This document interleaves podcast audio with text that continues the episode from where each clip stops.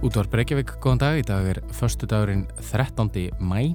Guðmundur Björn Þorbjörnsson og Katrín Ásmundsdóttir helsa þú ert að lusta á frettatháttin Hádeið.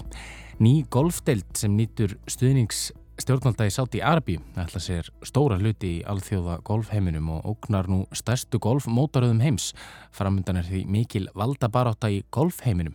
Ástralin Greg Norman fer fyrir þessari nýju mótaröð sem er þó runnin undan revjum Sáti Arabískra stjórnvalda.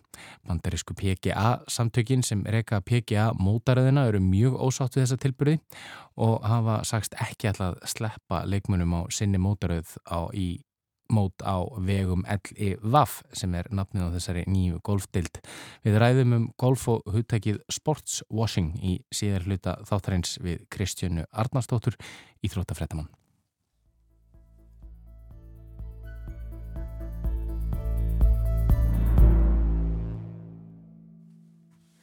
Paradísar eigin Tenerife er gríðarlega vinsæl áfangastæður Íslendinga sem keppast að komast í sólina við fjölbreytt tækifæri.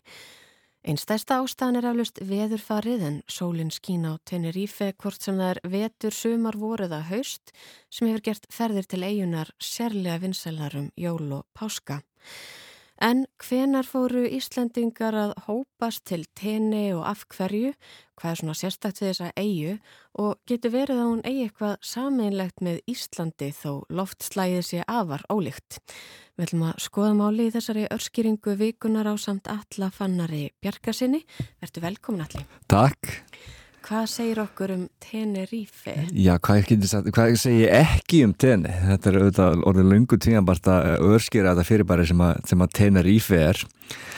En já, Tene eins og við Íslendingar köllum eiguna í daglegu tali. Hún á svona meirinn 100 ára sögu sem svona vinsæl áfokastafið ferðamanna. Uh, Tene er eina sjö kanari eigum og jafnframt svo stæsta og Kanaræja tilhera auðvitað Spáni en liggja við vestuströnd Afriku og eru stundum kallaðar eigið hins eilífa vors. Og ég fann einmitt alveg sko svona 50 ára heimildur um þetta eh, í, í grúskinu. Já, vegna lofslastins en sem er nokkuð svipað allt um áraðum um kring. Besta loftslæðið vorið Já, nákvæmlega, það er nefnilega svolítið svona mildt þannig að það verður aldrei svona ólíft einhvern veginn og það er eh, líka svona þessi andvari sem er það, hann er svona ákjósanlegu fyrir okkur okkur hérna á Íslandi sko. En það er ekki langt síðan Tenerife tók fram úr eiginni Gran Canaria sem svona umtalaðasti áfangastæður Íslandinga en það skal ekki fram að eiginnar eru báða mjög vinsalar en við munum alveg eftir að að það var alltaf bara að tala um að fara til Kanari mm -hmm. og, og þá var verið að tala um helst um Gran Canaria og það var, það var til dæmis Klurubar sem var svona, svona já, stór svona spilari í íslenski pólitík til dæmis. En svo er ekkert volan sem við fórum að tala meira um, um tenni og kannski svona flikkjast meira á þangað. En tenni á það sammeilegt með Íslandi að vera eldfjallega Það er eh, teiti eldfjallu líkur á miðri eiginni en það er þriðja hæsta eldfjall heims og, og gauð síðast árið 1909. Ég fóð svona að pæli svona hvað myndi gerast ef að, ef að teiti myndi gjósa aftur. Mm. Það var, var áhugavert en þetta er pingu lítil eiga þannig að þetta var ansi skellulegt en það, það líkur mikil svona hálendis hryggur um miðbyggjegunar og veldur því að raki og regn sem norðanáttin ber af hafinu nær ekki til suðustrandarinnar og þess vegna er mjög mikil munur á lofslægi á gróðri á og á norður og suðuluta Tenerife.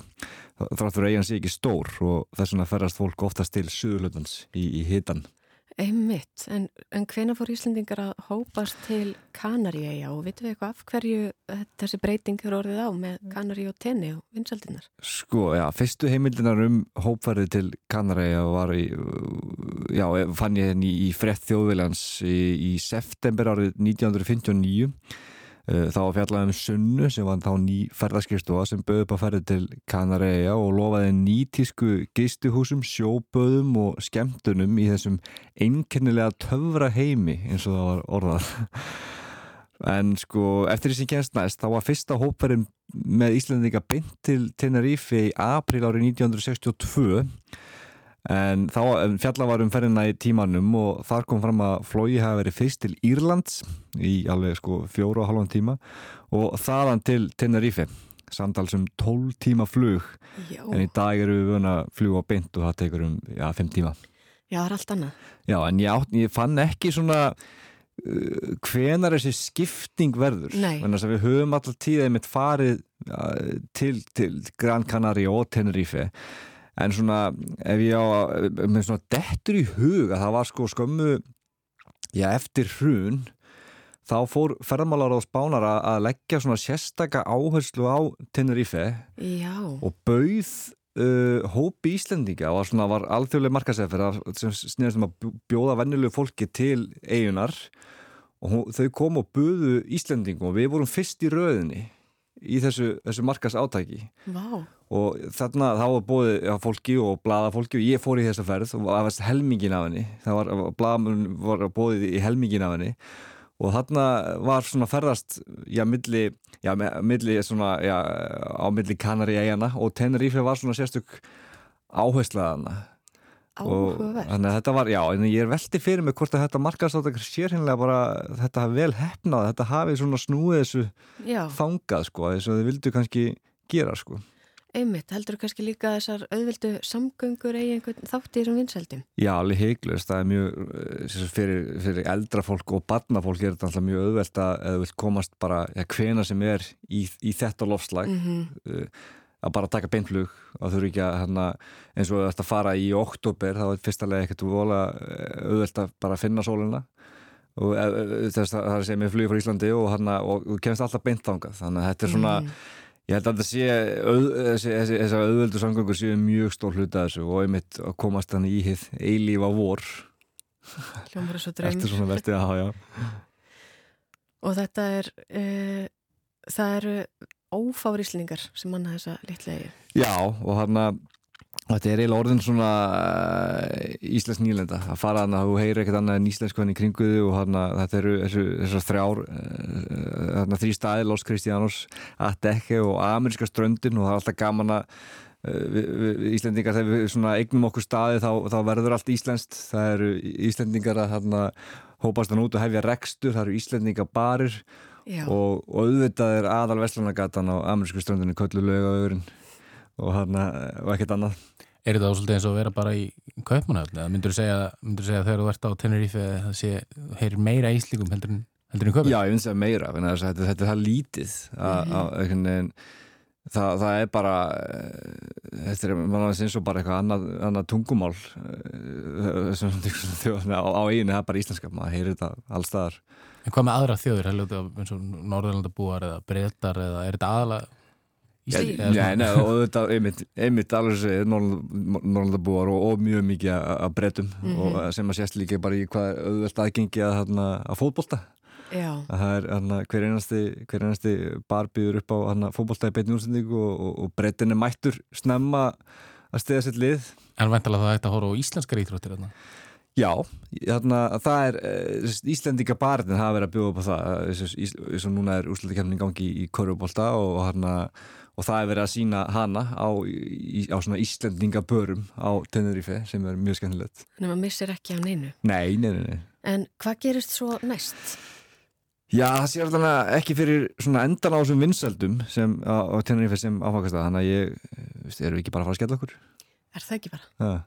Jú, ég á það allavega eftir, en þú, Petrin? Já, sama hér en ég get ekki beðið. Já, já. Já, kæra þakkir fyrir þessa fróðlegu örskýringu vikunar og komin í háttegið Allir Fannar Bjarkarsson. Takk. Háttegið snýr aftur strax að loknum fréttum og þá ætlum við að fjalla um nýja golfdeild í Sáti Arabíu við Kristjánu Arnarsdóttur íþróttufréttamann en þessi golfdeild er, já, kemur kannski ekki ávart í eigu Sáti Arabískra stjórnalda. En þá yfir í íþróttirnar eins og vanalega á förstu dögum ný golfdeild sem nýtur stuðnings stjórnvalda í Sáti Arabi ætla sér stóra hluti í alþjóða golfheiminum og ógnar nú stærstu golfmótaröðum heims og framöndan er því einhvers konar valda baráta í golfheiminum. Ástralin Greg Norman fer fyrir þessari nýju mótaröð sem er þó runnin undan revjum Sáti Arabískra stjórnvalda. Bandarísku PGA samtökin sem reka PGA mótaröðuna eru mjög ósátt við þessa tilburði sáta og segjast ekki ætlað sleppa sínum leikmönnum á þessa mótaröð sem kallast L.I.V.A.F. Hinga komin Kristjana Arnarsdóttir, Íþróttafréttakona. Velkomin Kristjana. Takk. Við ætlum að ræða þetta fórhættilega mál en getur kannski sagt mér fyrst bara hvernig svona atvinnum mótaræðar í golfi virka? Já, bara frábár spurning. Um, þær eru raun og veru bara svipar og svona deltakeppnir í, í íþróttum. Uh, þú vinnur þig upp á ákvæmna mótaröðu eftir, eftir gengi og, og svo getur þú fallið niður ef, ef að gengi er slagt. Þannig að eins og fyrir, ef við tökum bara íslenskan Kilvin Kér sem að Þetta sé stóra hluti, hann, þá byrjar hann á því að spila sig inn á svona Norðurlanda mótaröð sem heitir Nordic League og ganginum vel þar eins og sem bara sem dæmi Axel Bóasson var að vinna móta á, á þeirra þessari mótaröð um helgina, það gefur hann um hellingastegum í sérsett svona, já, fyrir framhaldið. En að hann getur ef hann endar með ákveði mörgsteg í lók tímabils þá getur hann unni sér innkeppnisrétt á næstu mótaröð fyrir ofan sem er þá uh, Challenge Tour eða áskorendamótaröðin þar á eftir kemur svo Evrópumótriðin og í raun og veru þar á eftir svo PGA-mótriðin og þannig hefur þetta verið að, að hérna, kilvingar hafa að geta unni sig svona upp um, mótaræðinar með góðu gengi ennum leið, eða einmitt eins og segja, ef að gengið er slagt og, og, hérna, og þú nærðir enga veginn á streika, þá getur þú fallið aftur niður um deilt. Mm. Þannig að þetta er svona bara, já, eins og svona hennar hefðbundnu deildakeppnir, sko, en það skiptir náttúrulega bara mestum ára að spila sem mest og, og og ná þá sem bestum árangri til að halda sér, halda sér inni. Þannig að þú kemst ekkit á þessa PGA-mótoröðun nema svo búin að fara í gegnum allt þetta? Já, í rauninni. Mm. Og um, þú getur unnið inn svona stakan keppnisrætt fyrir kannski stakt mót, þá getur þú farið í svona úrtökumót fyrir, fyrir það, eins fyrir stóri risamótin að hérna, þú getur unnið inn keppnisrætt í svona úrtökumótum sem eru haldinn uh, kannski á svona þrejum fjórum stöðum og þá er bara um, um svona einn dag að ræða það sem þú spilar bara og, hérna, og reynir að enda uh, sem ofar, ofarlega bara fyrsta, öðru, þriðasæti og þá getur unniðurinn þá svona keppnisetta og þann staka viðburð mm. þannig að það, það var til dæmis það sem gerist 2018 þegar Haraldur Franklín þó að það standi mjög, mjög nærri það mál en þá vann hann segja mitt inn á opna breska bara mm. með svona úrtökumóti í einn dag mm og, og svo náttúrulega bara fer maður þá bara aftur á svona úrtökum út síðar og getur bara hérna prófa það aftur og aftur til að segja hvort að þú komist inn. Og því ofalega sem þú ert á heimslistanum í golfi að því fleiri úrtökum út getur raun og verið farið á. Þannig að þeir sem að eru í efstu 500 sætunum og heimslistanum þeir geta og meins farið á í úrtökum út fyrir opna bandaríska risamótið og, og svona kolla kolli. Þannig að það er svona, já þetta svona deildakefnis fyrirkomulega pluss þessir, þessar svona bakdýra leðir Nú er komin ný deild eða, eða hún er nefndir ekki byrjuð áallega hún byrjuð eftir, eftir nokkur ára eða tvö ár eh, L.I.V.A.F. Eh, og það eru sáti arabar sem að standað baki eða sáti arabisk stjórnvöld Public Investment Fund sem er svona fjárfestikasjóður Sáti-Arabiska ríkisins. Hvað getur þú sagt mér um þessa mótaröð og, og, og hvar myndi hún falla inn í þetta fyrirkomulega? Já, ymmið, þetta er svona, þetta er kannski fyrsta sinn sem að kemur fram mótaröð sem er umverulega ógnar PGA-mótaröðinni. PGA-móturöðin hefur verið bara svolítið eins og bara, þú veist, ennska úrvalstildin í, í fótbolta og ennska úrvalstildin hefur bara verið svo þarna eina sem er þar sterk, sterkust en þarna var eins og kemur svona hliðarmóturöð sko á Englandi sem myndi alltaf segja, heyrðu, nú ætlum við að, að hérna, bjóða miklu miklu herri fjárhæðir og, og hérna reyna að nappa til okkar kilvinga yfir. Um, þetta er náttúrulega minni svolítið kannski á þetta Superlík og ofurdeildar fyrirkomulegi fókbalta sem gekk ekki upp. Akkurat, þetta er svona svolítið svipi pæling þar akkurat. Um, að, að hérna að það komi þarna all, allt í einu upp uh, Greg Norman, þessi, þessi kilvingur sem þú komst að þessi ná í byrjunu ég get kannski sagt frá hérna betra eftir að hann, hann komi, sagt, komi að stað með, með þetta Saudi Investment Fund uh, á bakvið sig uh mhm. -huh. og getur sagt bara ok, nú ætlum við bara að hérna, ræsa hérna fram rosastóra móturöð með lígilegar fjárhæðir og bara stjartfræðarlegar upphæðir sem er í þáttni búið það er eitthvað sem PGA-túrin getur ekki keft við um, og í rauninni sko Þeir ætla nú þegar, þeir ætla að byrja raun og veru bara í júni, þeir ætla bara strax að fara af stað með mót uh, og það eru nokkur kilvingar sem hafa óska eftir því að fá að keppa, fá sérst, undan þáu frá PGA-mótröðinni til að fara að keppa á, á þessari mótröðu en PGA-túrin hefur bara skellt í lás og sagt bara nei þið fáið ekki undan þáu til, til að fara. Þannig að það er svona mikill hiti í, mm. í sérst, sérstaklega kannski eldri kilvingum sem að sjá fram á að klára ferilinn bráðum og vilja kannski bara hámarka sinn hagnað. Mm -hmm. Þeir eru að hugsa sér svolítið gott í glóðarinnar og vilja fara á þessa mótaröð til þess að bara segja, herðu ok, ég á kannski fimm ár eftir, akkur ætti ég ekki fara þá bara þarna og, og sækja mér eins mikið mm -hmm. peningu ég get. Þannig að það er ekki bæðið sko sleft á haldið í þessu, þú get, eða PG er þá búið að gefa út að ef þú ætlar að fara að keppa og þessari mótoröð þá keppir ekki okkur. Já, þeir raun og veru sko og það er í regnum PG samtakana og hefur alltaf verið að, að þú getur fengið alltaf þrjár undantekningar ári fyrir ákveðin mót, stök mót uh, og sem dæmi að þá, þá hafa sérst, mótfyrir farið fram í Sáti Arabíu, Sáti hérna ári februar var sérst mót að pekja, eða sérst ekki pekja að móturinn Sáti Arabíu sérst Evróputúrin var með mót þar uh, og þeir gáttu nokkrir fengið undan þá til að keppa á því staka móti. Um, en PGA-túrin er ekki tilbúinur en að vera að hleypa þeim á heila mótaröð.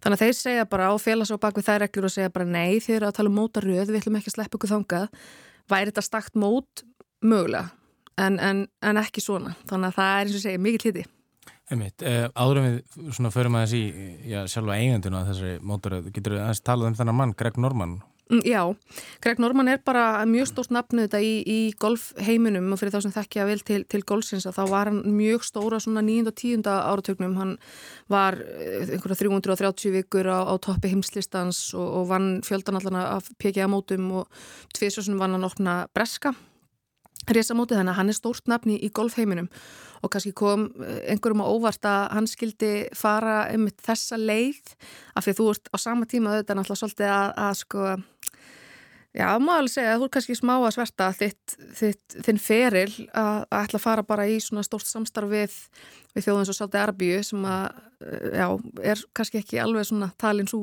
svo allra besta, hann að mhm. hérna... Já, bara, við getum einmitt bara að fara það eins í það, ég meina hefur margótt uh, stjórnöldið Sáti Arbíu og gerst margótt segum um gróf mannreitindabrót og, og og við sáum uh, það gerast núna síðasta haust að, að, að þessi sami fjárfæstikasjóður og ofinberð fjárfæstikasjóður Sáti Erfiska ríkisins festi kaup á, á ennska úrvastildilegin Newcastle uh, það var uh, þá í rauninni á einni nóttu var Newcastle sko lang, lang ríkasta fólkvallið í heiminum mm. ríkara en öll önnur úrvastildarlið á Englandi samanlagt mm. Þetta eru náttúrulega mörguleiti, já, blóðpenningar og, og, og þetta er svona kannski eitthvað sem golfheimurinn þekkir ekki. Við hefum séð þetta í fókbólta, við hefum séð svona lið... Séð þetta í formúlinni líka. Þa, það er nefnilega alveg rétt og, og þarna, þarna komið mitt kilvingar og stíga fram og segja akkur má ekki golfið gera það sama og ennska úrvalstildin eða Newcastle gerir eða, eða formúli 1 eða svona akkur með við ekki þá vera, þú veist, partur af þessu sem er náttúrulega bara Já, þú veist, ég meina ok, það getur þá verið þeirra rauk en það eru þetta bara við, þetta hugtak, þetta sportswashing er mm. þetta bara þetta með að það eru gróf mannirtindabrót framinn í, í Sáti Arbíu og, og hérna og þeir fara í að þessa leið, þessi Sáti investmentfund og, og bara ríkið í að, að hérna reyna að kvítfósvöldið og, og segja bara, heyrðu, þú veist, við ætlum að gera gott en að gera svolítið að bað með því að, að fara bara í íþróttirnar og reyna að fel okkur svolítið á bakvið það. Eh, þannig að það hafa mér sé að kilvingar nú þegar stýði fram uh, enski kilvingurinn Líf Vestvút sem hefur nú unni uh, marga sigur á ferlinum, hann er búin að vera mjög opinn með þetta og vill bara komast á þessa móturöð, segir bara sjálfur bara heyrið, þú veist, Newcastle gerir þetta Formule 1 gerir þetta, Golfi Málvens gerir þetta líka, þú veist, en þá ertu komin í eitthvað, eiga þá bara allir að hoppa vagnin og, og reyna að horfa í hináttina og meðan þessi mannestættabróður er framinn uh, Það er svona, já, hann er búin að fá sér mikla kritík lífæst út og svo eru fleiri kilvingar eins og Phil Mickelson sem hefur líka sínt þessari mótur að áhuga. Þetta eru stórn upp um, og þannig að maður hugsa svona, ok, þessir eldri kilvingar eru klárlega að hugsa þetta. Þeir vilja bara, ok, hámarka það sem þeir geta og vilja sækjast í þetta. En þá er mitt að maður komin í hvað er þá mórallin, hvað, hvað liggur línan. Mm -hmm, einmitt. Við sjáum hvernig þetta fer, þetta er áhugaverðasta mál, kæra þekkir fyrir komin í háttegið Kristina Arnarsdóttir. Háttegið er á enda þessa vikuna og stramt til tekið alveg á enda. Þátturinn eh, tekur nokkur um breytingum frá með mánudeginum við Katrín verður þó hér áfram. Eh, Albreyting þáttarins er svo að hann verður einungis eftir háttegisvettir og nýr dagskrafliður verður á undan fyrirtónum en mm. við leggjum eftir sem áður eh, sumu áherslu á að flytja ykkur áhugavert efni. Akkurat. Þessi þáttur og allir hinnir eru aðgengilegir í spilaranum og hlaðvarpsveitum og hægt er að senda okkur post með ábendingum og netfangið hátdeið hjá rúf.is.